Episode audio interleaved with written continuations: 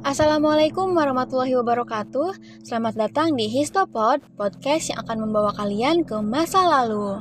Semoga para siswa dan pendengar dalam keadaan sehat walafiat dan bahagia ya. Dan insya Allah, apa yang akan disampaikan pada podcast kali ini Membawa manfaat bagi pendengar semua Oke langsung saja saya akan membawakan materi kelas 12 sejarah wajib. KD 3.1 materinya yaitu tentang upaya bangsa Indonesia dalam menghadapi disintegrasi bangsa. Sumaterinya yaitu pemberontakan DITI di Sulawesi Selatan. Sebelumnya informasi dulu, barangkali ada yang lupa, Sulawesi Selatan itu kini dikenal dengan ibu kotanya yaitu Kota Makassar. Di sana juga ada universitas terkenal yang bagus yaitu Universitas Hasanuddin. Oke, mungkin cukup, kita langsung aja ke materi pembahasan. TITI di Sulsel terbentuk awalnya karena ketidakpuasan Abdul Kahar Muzakar selaku Ketua Kesatuan Gerilya Sulawesi Selatan atau disingkat KGSS yang ingin anggotanya masuk Brigade Hasanuddin.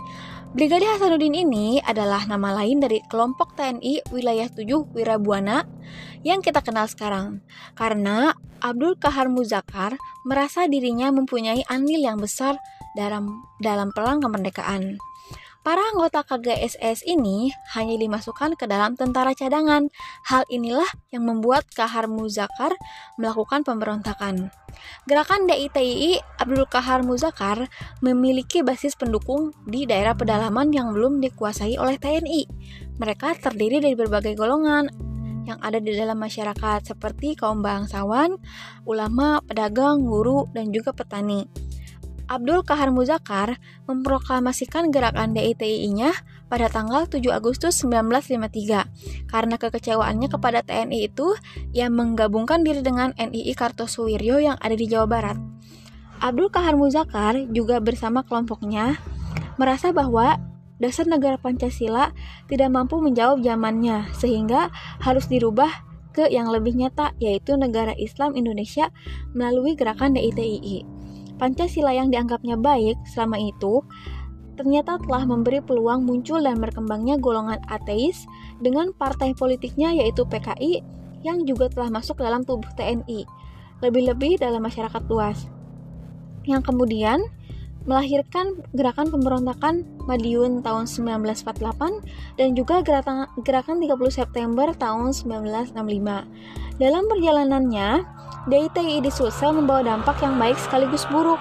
Baiknya karena pengikutnya diajarkan agama Islam secara lebih mendalam, namun tak sedikit juga ada rasa traumatik yang dirasakan karena kekejaman DITI yang membantai orang-orang yang tidak bersalah.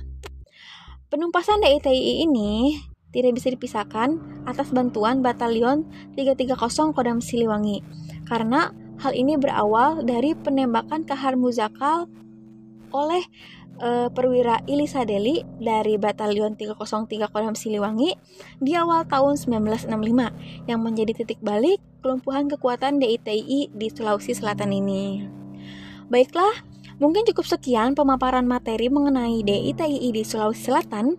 Semoga para siswa dan pendengar bisa mengambil ibrah atau pelajaran yang baik dari peristiwa DITI di Sulawesi Selatan ini.